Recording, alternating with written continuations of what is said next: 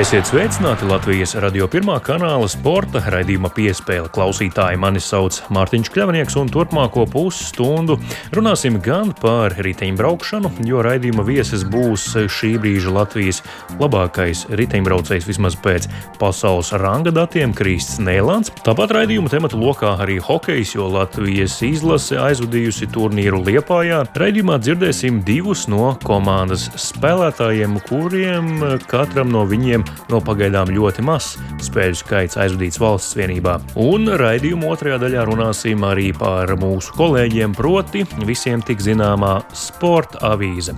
Novembrī iznācis kārtējais tās numurs, bet tā ir pavisam cita sporta avīze. Kā saka nu jau bijušais šī izdevuma galvenais redaktors Ingmārs Jurisons, oktobra sporta avīzes numuram nav absolūti nekā kopīga ar novembra sporta avīzes numuru. Bet šie visi temati jau pēc pavisam īsa brīža.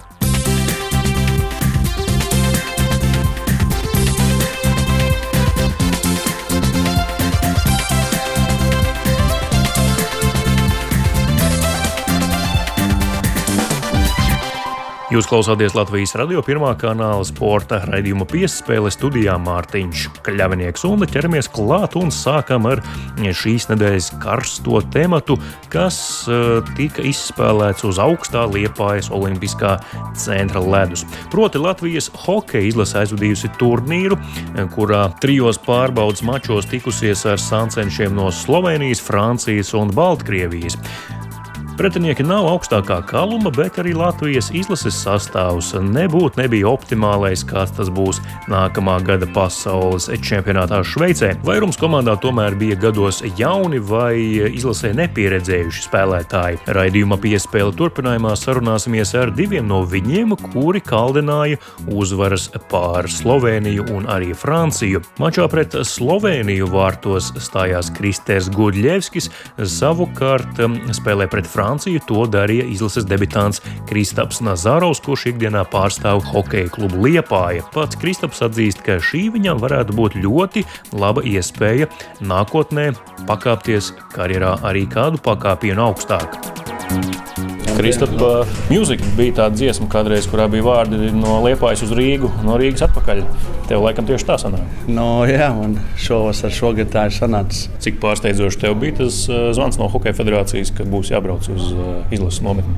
Nu, es gluži pats nesaņēmu zvanu, bet uh, Liepājas vadību saņēmu. Tad viņi nodeva man to ziņu. Bet uh, es biju ļoti pārsteigts. Nebija vispār neko tādu gaidījis. Liels pārbaudījums man, un es esmu ļoti priecīgs par to. Jo nu, tā nu, skaidrs, varoties statistikā un sezonā, varētu domāt, ka Mārcis Čakars būtu tas, kuram būtu jāsaņem zvans laikam, bet uh, tomēr izvēle krīt uz tevi. No, jā, laikam uh, nedaudz jaunāks nekā Mārcis un, un izlēmuši man dot iespēju.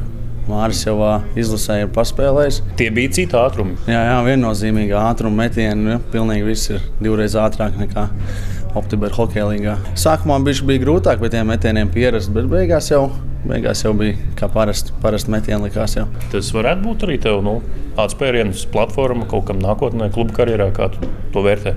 Es domāju, ka tas viennozīmīgi būs mans atspēriens. Tikai jāturpina strādāt, un tad redzēsim, kā būs tālāk. Kāda ir Liepājas klubā situācija? Nu, šo sezonu es saprotu, jums tā situācija ir daudz labāka nekā bija kolēģiem pagājušā sezonā. Viss laikam ir sakārtotāks, arī ar finansēm ir, ir spīdošāk. Kā ir? Nu, pagājušais gads bija tāds tā pārbaudījums, jo tie vadītāji tie visi ir pirmo reizi tādā sistēmā vispār. Tad šogad, jā, šogad ir atgriezušies arī mājās daudz labi vietējie spēlētāji. Un es domāju, mums tas, komandas ķīmija arī daudz labāk ir šogad. Tās spēles arī tādas ir, ir kur mēs kaut kur kļūdāmies, bet es uzskatu, ka šogad mēs esam daudz spēcīgāki nekā pagājušajā. Tālāk, hokeja vārdsargs Kristaps Nazarovs. Savukārt, uzbrucējam Denisam Smirnovam aizvadītais turnīrs arī bija īpašs, jo viņš gan spēlē pret Sloveniju, iemeta pretinieku vārtos izšķirošo pēcspēles bullīti, un tāpat arī ar vārtiem kaldināja uzvaru pār Franciju piekdienas vakarā. Smirnovs, kurš pagājušajā sezonā vēl Šveicē spēlēja junior hokeju, šogad jau ir Ženēvas servetu komandas pamatsastāvs spēlētājs un arī viens no rezultatīvākajiem hokeistiem sezonas ievadā, viņš pats atzīst, ka varbūt šāda punktu raža ir neliels pārsteigums gan pašam, gan arī līdzjutējiem, tomēr tas nav nekas neparasts, jo hokeju spēlēt viņš prot itin labi. Tev, laikam, var droši sakot par šīs sezonas pārsteigumu. Tev pašam ir pārsteigums tas, kā tu spēlē šīs sezonas ievadā. Grūti pateikt, vai tas ir pārsteigums. Nezinu, tomēr tas pārbaudas spēles spēlēšos ar certu to pārliecību. Varbūt, protams, tie desmit punkti, kas man ir tagad, jā, varbūt ir pārsteidzoši. Jūtos labi komandā, jūtos labi arī uz laukuma. Šansi iemest ir. Vienkārši vajag strādāt, turpināt strādāt. Tas viedoklis, kas ir izskanējis arī druskuļi publiski, ir tas, ka, nu, ja nebūtu šis galvenais treneris Ženēvai tagad, mm. tad, acīm redzot, arī tu droši vien tā nespēlētu. Jo mums ir savstarpēji saikne ar treneriem. Man grūti pateikt, jo, godīgi sakot, es pavasarī vasarā vēl domāju, ka tas nav man baigi pulsā, ka viņš ir treneris. Jo viss tas junior sezonas, kas man bija ar viņu, man bija tā, tā kā pa kalniem. Tu spēlē profesionāli hokeju, tur jābūt regulāram Katru, katru spēlētāju ir jāspēlē labi. Bet, nu, ja viņš redz, ka tu nevari spēlēt šajā līmenī, tad tu arī nespēlēsi. Tāpēc es domāju, ka es tomēr man sanāca viņam pārliecināt mani, ka es varu spēlēt šajā līmenī. Viņš arī iedod man iespēju. Es tā saprotu nu, no vienas intervijas, arī, kas nesen bija publicēta vienā medijā, ka liels nopelns tam, ka tu vispār esi Ženēvā ar Kasparam Naugoņam. Pastāst to vēstures stāstu, kā, kā tas tur īsti bija. Man tētis eh, kādreiz trenēja viņu. Tur Ženēvā viņam piedāvāja paprasiet, vai ir Latvijā 2,99 gadi spēlē labi spēlētāji. Un, un viņš pazīst, pazina manu tēti, piezvanīja manam tētim. Un, uh, mēs aizbraucām uz turieni ar Sandis Manu uz trajautiem. Mēs spēlējām tur divas, trīs spēles. Nospēlējām labi un uh, mums arī parakstīja. Bet, protams, ja tas viss dēļ Kaspara Laguņa. Tā kā ja nebūtu šāds nejaušs pavērsiens, varbūt būtu pavisam kaut kur citur šobrīd. Jā, nevar, nevar pateikt, kur es varētu būt. Jā, prieks un liels paldies viņam, ka sanāca tikt tur. Šveicē. Tu tur esi jau ļoti ilgus gadus. Kā tev ar franču valodu viss kārtībā? Man jau, jā, man sanāk, ka četri, četras valodas runāju. Kā latviešu, krievu, angļu un franču. Un dažreiz tur bija šī tas galvā. Nes, nesaprotu, ko dažreiz runā domā, ka tu runā franciski, bet tu runā krieviski vai angliski ar, ar dažiem. Bet, nu, nē, runāju brīvi, ja franču valodu, kā pa sešiem gadiem jau iemācījos, tā kā nav problēma. Kādā valodā tu domā? Kad es esmu Ženēvā, godīgi sakot, domāju franču valodā. Jā. Kāda ir tava atlikušā sezonas mērķi? Nezinu, varbūt kaut kāda noteikta punktu robeža vai ne? Godīgi, man nav, man nav nekāda punktu robeža. Pavasarī ne, nedomāju, ka es spēlēšu tajā pirmajā komandā. Es vienkārši nāku uz turieni, strādāju katru dienu un centos kļūt labāks mēs smagi strādājām. Mums bija viens mērķis, visiem viens kopējs. Prieks, ka neslūdzām un noticējām sev, ka varam vinnēt. Jūs klausāties Latvijas radio pirmā kanāla sporta raidījuma piespēle, un raidījuma vadītāja krēslā šobrīd atrodos es Mārtiņš Kļavnieks, un šīs te pārraides turpinājumā runāsim par riteņbraukšanu. Šī gada sezonu šosejas riteņbraukšanā noslēguši pasaules tūres un pro kontinentālo vienību pārstāvošie Latvijas sportisti, un aizvedot savu sekmīgāko sezonu karjerā pasaules rangā visaugstāk no latviešiem sezonas izskaņā atrodas Krists Neilants, kurš ieņem 115. vietu eh, top 200. Šajā 200. ir arī Toms Skuiņš un Emīls Liepiņš. Ar moderno tehnoloģiju palīdzību uzreiz pēc sezonas sazinājos ar Kristu Neilandu, un mūsu sarunā pārunātais jūsu uzmanībai jau tūlīt. Krista Klaunu, tevi jādēvē, un uh, visu cieņu tev par to. Šobrīd Latvijas vadošais šoseis riteņbraucējs tā vismaz rāda uh, pasaules rangs. Kā tu pats jūties ar šādu titulu kabatā? Nu, es to varbūt nenosaucu par titulu, jo šobrīd mēs esam trīs vadošie riteņbraucēji Latvijā, kas ir Toms Skuiņš, Nemils Liepiņš vēl. Tāpēc varbūt, ja tur skatās pēc punktiem, tad tā sezona, kā nu kuram ir gājis, jā, man viņa ir izdevusies šogad teikšu, pietiekami labi. Tā kā esmu apmierināts ar to. Jā, nu jūs tur kā tādi trīs latviešu brāļu laivinieki, kā jau tu nosauc, tu pats uh, Toms Skuiņš un Emīls Liepiņš. Visi trīs arī top 200 pasaules rangā. Tas Latvijas riteņbraukšanai ir panākums, ka trīs latvieši ir labāko 200 rangā. Jā, nu es uzskatu, ka noteikti, jo ņemot vērā, kāda bija situācija iepriekšējos gadus, tiešām ir liels prieks, ka mēs progresējam un ejam tikai uz augšu. Bet tajā pašā laikā es arī ceru, ka nākotnē no Latvijas mums iznāks kāda jaunie čaļi ārā. Būs vēl patīkamāk braukt un būs vēl vairāk latviešu pelotonā pasaulē. Par tavu sezonu, protams, Valonijas viendienas Ungārijas tūre, Astūrijas tūre, arī Arktika. Ko tu pats izcelt no tā, kas tev bija vislabākais rezultāts ziņā šajā sezonā? Man visvairāk gribētos izcelt noteikti Ungārijas tūri, jo tā man bija pirmā uzvara daudzdienu velobraucienā. Es nebiju daudzdienu velobraucienā vispār kāpis uz piedestālu, nereizi kovērtējumā.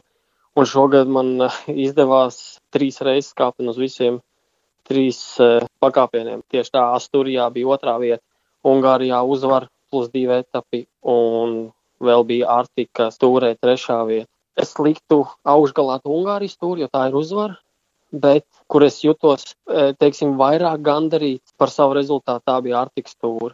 Pēdējais etaps bija ļoti smags, tā pašsajūta nebija pat labākā, tāpēc es tiešām atdevu visu un pat vēl vairāk, lai es saglabātu šo trešo vietu. Tāpēc varbūt tieši tā, tā trešā vieta attiktūrē bija tāds. Pēc tā bija tiešām ļoti liela gandrīz gandarījuma sajūta. Jā, nu redz tā profesionālā ritimbraucēja maize varbūt pavērt drusciņu vairāk priekškaru arī radio klausītājiem. Ko tā prasa no ķermeņa sezonas laikā? Nu, tu tagad esi nobraucis šādu sezonu ar lieliskiem panākumiem, bet pēc tam, kad sezona beidzās, vērs priekškars un, kā saka, izrāde ir beigusies un uh, rampu gaismas dziest. Kādā komplektācijā tu esi, kas tev jāsaved kārtībā, kur tev varbūt kāda rehabilitācija, masāžu kursi, kas tev ir nepieciešams pēc tam, lai atkal sev sakomplektētu, lai varētu atkal nākamā sezona startēt? Gadiem ejot, es iegāju tajā ritmā, tā ir tāda ikdiena. Nu, tu zini, ko tu sagaidi, un tu zini, kas būs priekšā, bet uh, lielam man gribās teikt, ka viss, viss lielākais, kas notiek, viss notiek galvā. Tāpēc pēc,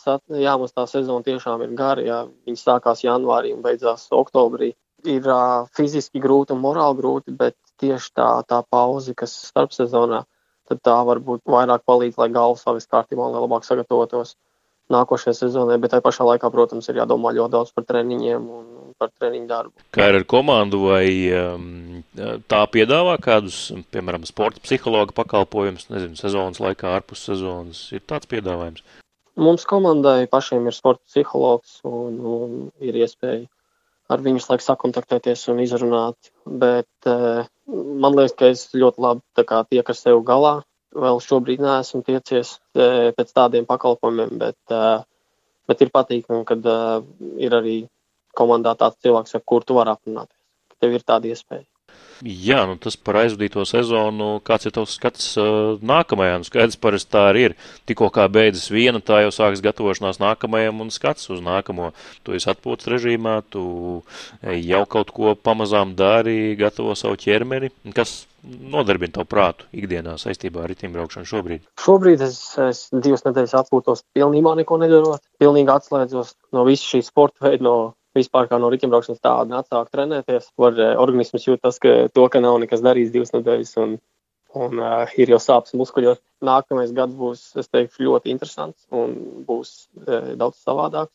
Jo, uh, kā jūs noteikti zinat, tad uh, man komanda ir uh, iegūst Voltūra licenci, kas nozīmē, ka mēs startēsim uh, visos uh, lielākajos velobraucienos pasaulē, kādiem ir. Tāpēc tas kalendārs arī būs e, daudz savādāks. Bet pie tā mēs vēl tā kā ar komandu neesam, neesam pieķeršies klāt, jo vēl nav sanācis satikt komandu. Jo tikko sezona tikai beigusies, bet e, decembrī jau došos uz treniņu nometni, kur noteikti apsēdīsimies pie viena galda jau uzskicēsim uz papīra jau nākošo sezonas programmu. Bet tas e, nozīmē, ka arī jāgatavojas būs citādi, acīm redzot, nu, nezinu, vai nopietnāk, bet droši vien, ka ar gudrāku pieeju, varbūt, nu, lai tos uh, resursus, ķermeņa resursus taupītu visas sezonas garumā, vēl augstākā līmenī? Negluži. Es, ar, es jau ar savu treneru jau mēs aprunājāmies. Mēs arī izrunājām to, ka kamēr es progresēju vēl šajā veidā, kā mēs to darām, tikmēr mēs neko īsti nemainīsim. Tā sezona, nu, pa lielam jau viņa neatšķirsies no, ne no sacensību dienas skaita, un varbūt arī ne no fiziskā viedokļa, bet vienkārši tās e, sacīkstes būs daudz lielākā līmenī būs iespēja vienkārši startēt lielajās sacījumās, kas ir arī tas pats Tour de France. Vēl viens jautājums, ko tev gribēju uzdot jau kādu laiku, nu, tagad beidzot ir tā izdevība, kad es um, ar tevi varu arī parunāt. Tas slavenais um, tavs gadījums, ar kur tu iekļuvi visos pasaules medijos, tu un Justins Bībers. To gadījumu tev joprojām piemin, liek atcerēties jautāt, nezinu, pasaules um, žurnālisti, dažādi mediju pārstāvi, vai tas jau ir kaut kur sen, sen plauktiņā un aputējis un jau aizmirsts. Es cerēju, ka ka jūs teiksiet par Milāns Revu, bet labi, lai iet Justins Bībers. Jā, īstenībā varbūt par retam kāds pajautā, bet nu jau tas vairāk ir izvērties par tādu smieklīgu stāstu, ko pastāstīt draugiem. Jā, man, man ir video materiāls manā Instagram kontā, tā kā tur var kaut kur lejā ar viņu atrast. Smieklīgs atgadījums, teiksim tā. Treniņā trenējāmies un turpatās viņš bija. Tad kāpēc arī neuztaisīt kādu bildi? Ja ienāk tāda spontāna ideja, kāpēc gan ne, ja ir tāda izdevība. Es, ne, es neteiktu, ka būtu baigā, baigā kautrības kaut ko tādu. Tajā gadījumā tāpatās, ja, ja, mēs runājam par to pašu Bīberu, nu, viņš ir pasaules uh, cilvēks, ko, ko visi zina, tad kāpēc neuztaisīt, ja ir tāda iespēja bildi. Tāpat arī esmu saticis arī cits cilvēks, un, un, un esmu aprunājies arī populārs cilvēks, arī to pašu no Latvijas. E, Kādu cilvēku esmu saticis, esmu aprunājies. Piegājis klāt un aprunājies, kā iet, un nav nekādas problēmas ar to. Tajā brīdī es biju labākais pasaulē. Visas pirmās vietas ir līdzvērtīgas zeltam. Spēlētājiem gadās slikts, labs spēles sērijas, bet ir jāceļās, jāmāk piecelties un parādīt savu sniegumu. Turpina skanēt Latvijas radio pirmā kanāla sporta raidījums piespēle studijā Mārtiņš Kļavinieks. Un raidījuma turpmākajās minūtēs runāsim par kolēģiem. Par kolēģiem nevis kādā radiostacijā vai televīzijā, kas starp citu arī šajā nedēļā ir ļoti aktuāli, bet parunāsim par kādu preses izdevumu, proti ikmēneša žurnālu Sporta avīze. No šobrīd man šeit studijā pie mikrofona uz galda atrodas novembra sporta avīzes numurs. Un Un mm, to pašķirstot un nedaudz palasot, kas tajā ir rakstīts, Noteikti ierindas sporta līdzjutējām paņemot rokās šo žurnālu, neizprotams varētu būt fakts, kāpēc visi rakstu autori ir līdz šim nezināmi sporta avīzes lasītājiem. Oktobrī publiski parādījās ziņa, ka sporta avīzes zīmolu no izdevniecības Mediju nams nopirkusi izdevniecības Sijā dienas mediju. Jaunie īpašnieki lēmuši par to, ka nomainīta visa autoru komanda un arī redakcijas personāls. Atklāt sakot, man šobrīd turot rokās šo te sporta avīzes novembra numuru, liekas, ka tas ir diezgan profesionāli veikts pakaļdarinājums tam, kas, piemēram, iznāca šī gada oktobrī. Viss liecina par to, ka tā ir tā pati sporta avīze, tomēr tā ir pavisam cita. Un par to turpmākajās raidījuma minūtēs sarunāsimies nu jau ar bijušo sporta avīzes galveno redaktoru Ingmāru Jurisonu. Es domāju, ka neviens no klausītājiem, iespējams, pat lielākā daļa zina, kas ir sporta avīze. To arī nu, jau piecus gadus ik mēnesi lasīja. Pirms tam ik nedēļu, acīm redzot, bija tas vai nu jūsu paskastīties, vai, vai vienkārši uz galda. Bet, uh, Tagad situācija ir nedaudz mainījusies. Novembra numurs ir iznācis, bet tā ir pavisam cita sporta avīze ar citu redaktoru un arī žurnālistu komandu. Un, uh, kāpēc tā ir noticis un kas tad tā tādam vienkāršam patērētājam par to visu būtu jāzina. Parunāsim turpmākajās minūtēs ar nu, jau bijušo sporta avīzes galveno redaktoru, arī ilgadēju autoru Ingūru Jurisonu. Sveiks, Ingūr! Sveiks, Mārtiņ! Tu tagad esi bezdarbnieks? Kā tev, kā tev var teikt? Arī pavisam oficiāli, bet nu, par laimi nav tā, ka ir jāsēž, jāsēž un jāskatās pelēkajās novembra debesīs. Ir pietiekami daudz cilvēku, kurus interesē žurnālistika un konkrēti sporta žurnālistika. Līdz ar to ir nu, vairāk ir tāds nevis uz vietas sēdēšanas laiks, bet eh, lēmumu pieņemšanas sarunu pārunu, dažādu, dažādu notikumu laiks. Jā, nu es jau ievadā minēju, ka nu, sporta avīze turpina iznākt, bet tā ir pavisam cita sporta avīze, citi īpašnieki, citi redaktori, galvenie vai ne galvenie un arī citi autori. Pastāst to mazo vēsturi. Kad tu uzzināji, ka sporta avīze līdzinējā formā vairs neeksistēs? Nu, teiksim tā, formā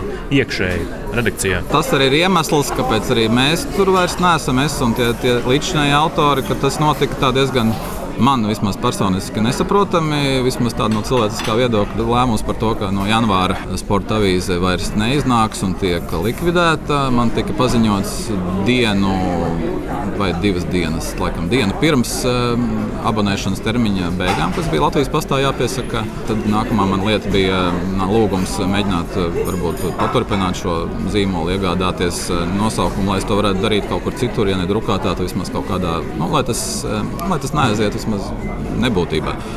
Arī tur um, saņēma atteikumu, tobrīd ar konkrētu tekstu, ka, lai gan nekādu plānu attiecībā uz šo nosaukumu nav, bet varbūt pēc gadiem, varbūt pēc diviem, trim gadiem kaut kas elektroniski, kaut ko uztaisīsim, varbūt ar laiku kāds kaut ko interesēsies, varbūt pārdosim, bet tas ir ekonomiski aktīvs, mēs to šobrīd nedosim, bet plānu nav.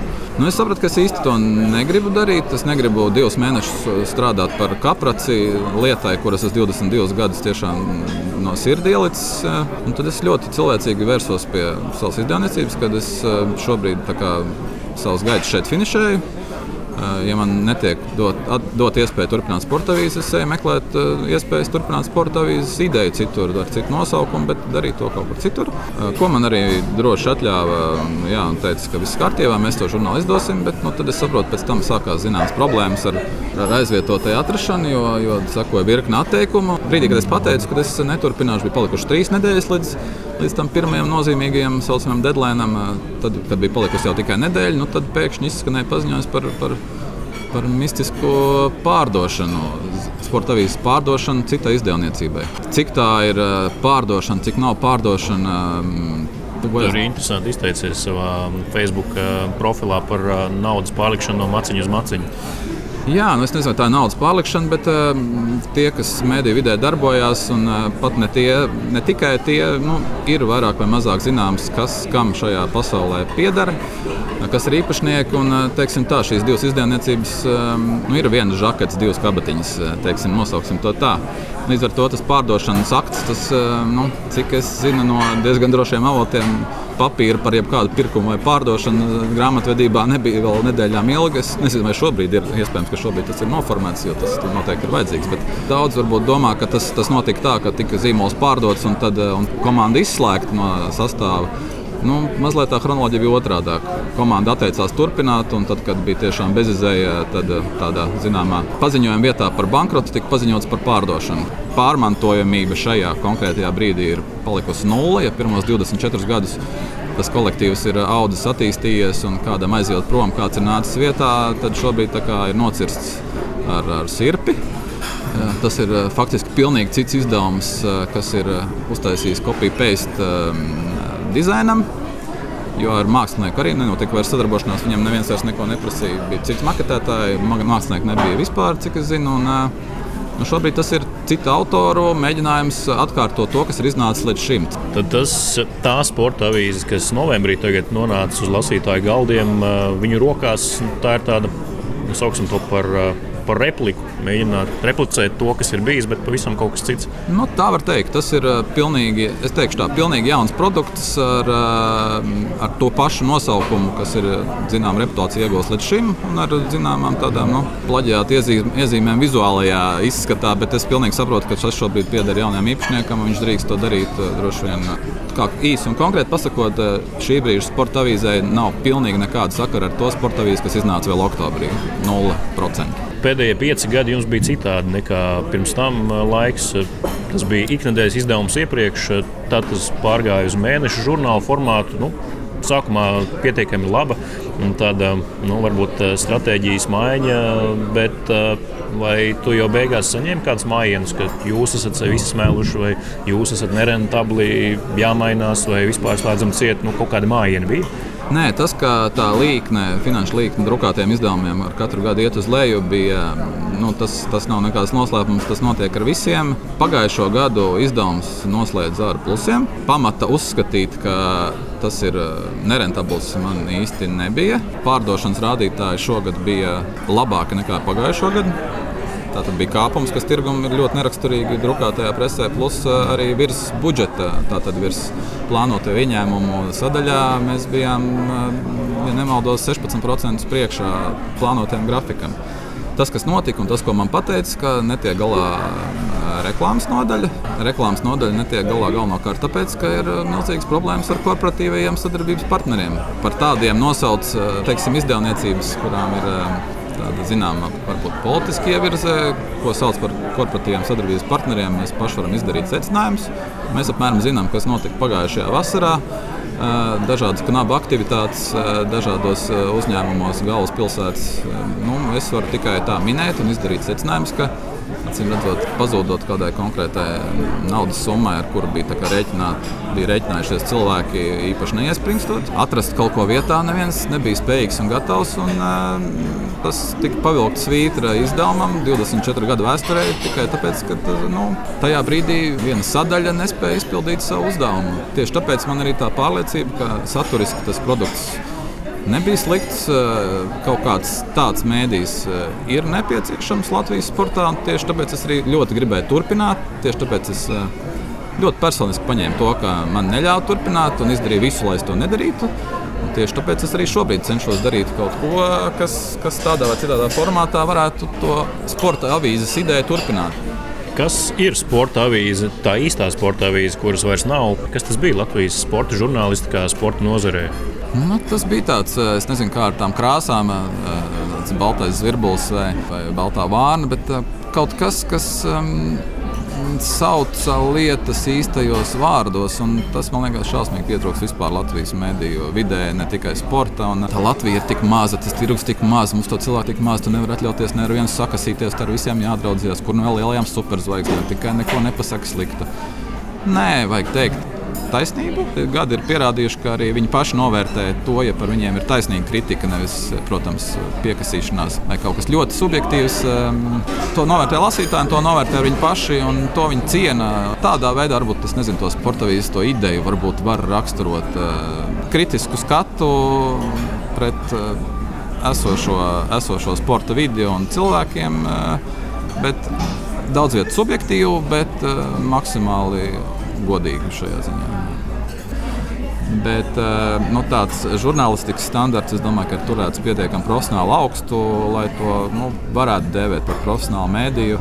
Bet, jā, nu, kā jau teicu, man nav kauns ne par ko, kas ir darīts zem šī nosaukuma. Un, uh, šobrīd es jūtos, ka es izdarīju pareizi arī aizejot tādā brīdī, nevis, nevis vienkārši aprokot, uh, uzliekot kapakmeni un tad un tad kaut ko no nulles darot. Ingūns Jurisons, nu jau bijušais sporta avīzes galvenais redaktors. Paldies, Ingūr, par darbu šos vairāk nekā 20 gadus sporta avīzē. Tad jau ceram ieraudzīt tevi jaunā formātā, jaunā izpildījumā un eh, ar to pašu ideju. Paldies! Jā, nu, paldies visiem, kas lasīja. Un, eh, es, jā, cerēsim, ka šis ir tikai tāds uz redzēšanos, nevis ar dievu. Tāds lūk, bijušā sporta avīzes galvenā redaktora Ingūna Jurisona viedoklis, bet, lai šajā raidījumā netiktu pausta tikai vienas puses nostāja, tad sazinājos arī ar nu, jau jaunās sporta avīzes pārstāvi, proti, izdevniecības dienas mediju galveno redaktoru Gati Maģiņu, kurš arī telefonsarunā pastāstīja, kāda ir vīzija par sporta avīzi un tās attīstību nākotnē. Tas bija lēmums absolūti man, jo īpašnieks, protams, konsultējās ar mani pirms lēmuma iegādāties sporta arī zīmolu. Es nevarēšu, diemžēl, komentēt detaļas, jo tas nav mans kompetences jautājums, bet, protams, lēmums bija mans. Protams, ka šāds lēmums ir balstīts nevien idejā, bet arī ļoti pragmatiskos apsvērumos iegādāties šo sporta avīzes zīmolu. Un tas mans lēmums ir veidot sporta avīzi ar dienas uh, autoru iekšējo resursu un piesaistot arī ārštata autors. Līdz ar to tas ir absolūti pragmatiskos apsvērumos balstīts lēmums sporta avīze turpinās iznākt reizi mēnesī, un man ir ļoti liels prieks par lasītāju interesi. Mēs vēl pat nebijām izsludinājuši abonēšanas kampaņu, un, kad cilvēki nāca abonēt, un šāds izdevums Latvijā ir, ir, ir vajadzīgs, un sports ir mana un dienas pārliecība un kaislība, un es darīšu visu, lai sporta avīze iznāktu kvalitatīvā žurnālistiskā līmenī. Kalkulējām visplašākās Eh, iespējas, opcijas, eh, kā sporta avīze varētu izskatīties nākotnē, bet mēs tomēr palikām pie šī formāta, jo atzinām to pa pragmatiskāko, labāko, vizuāli baudāmāko, un sporta avīze turpinās iznākt reizi mēnesī tieši tāda. Jaunu lasītājiem, teiksim tā, mans redakcionālais uzstādījums eh, jaunai komandai ir tāds, ka mēs gribam sportu apskatīt. Mēs gribam pamanīt, ka Latvijā ir arī ļoti, ļoti daudz tautas sporta notikumu. Mēs gribam pamanīt Latvijā, ka ir bērnu un jauniešu sports. Mēs gribam pamanīt ļoti daudz lietas, ko mēs varam kvalificēt zem šī apzīmējuma sports, eh, ka sports nav tikai augsts sasniegums sports. Viņi gribam uh, mazliet, mazliet izlausties no augsta sasnieguma sporta un no sporta popkultūras, jā, nu mazliet to tēmu loku paplašināt. Viss būs atkarīgs no tā, cik tas maksā, cik tas ir rentabli, cik šāds izdevums gal galā Latvijā ir vajadzīgs. Mēs gribam arī izglītot lasītājiem, piedalīties sporta, politikas, lēmumu pieņemšanā. Mēs gribam, teiksim, sportu skatīties krietni vien plašākā, kā varbūt līdzinējs izdevējs, jā, ir to darījis. Nu, katram izdevējiem ir savs uzstādījums. Jā. Man ļoti grūti runāt. Es saku vēlreiz, es nevaru runāt, pat negribu runāt par to, kāpēc tas tā ir noticis. Līdz ar to Latvijas radio pirmā kanāla sporta raidījums piespēle šoreiz izskan. To veidoja un vadīja Mārtiņš Kļavnieks, par labskaņu parūpējās Nora Mītspapa. Uz sadzirdēšanos jau kādu citu reizi.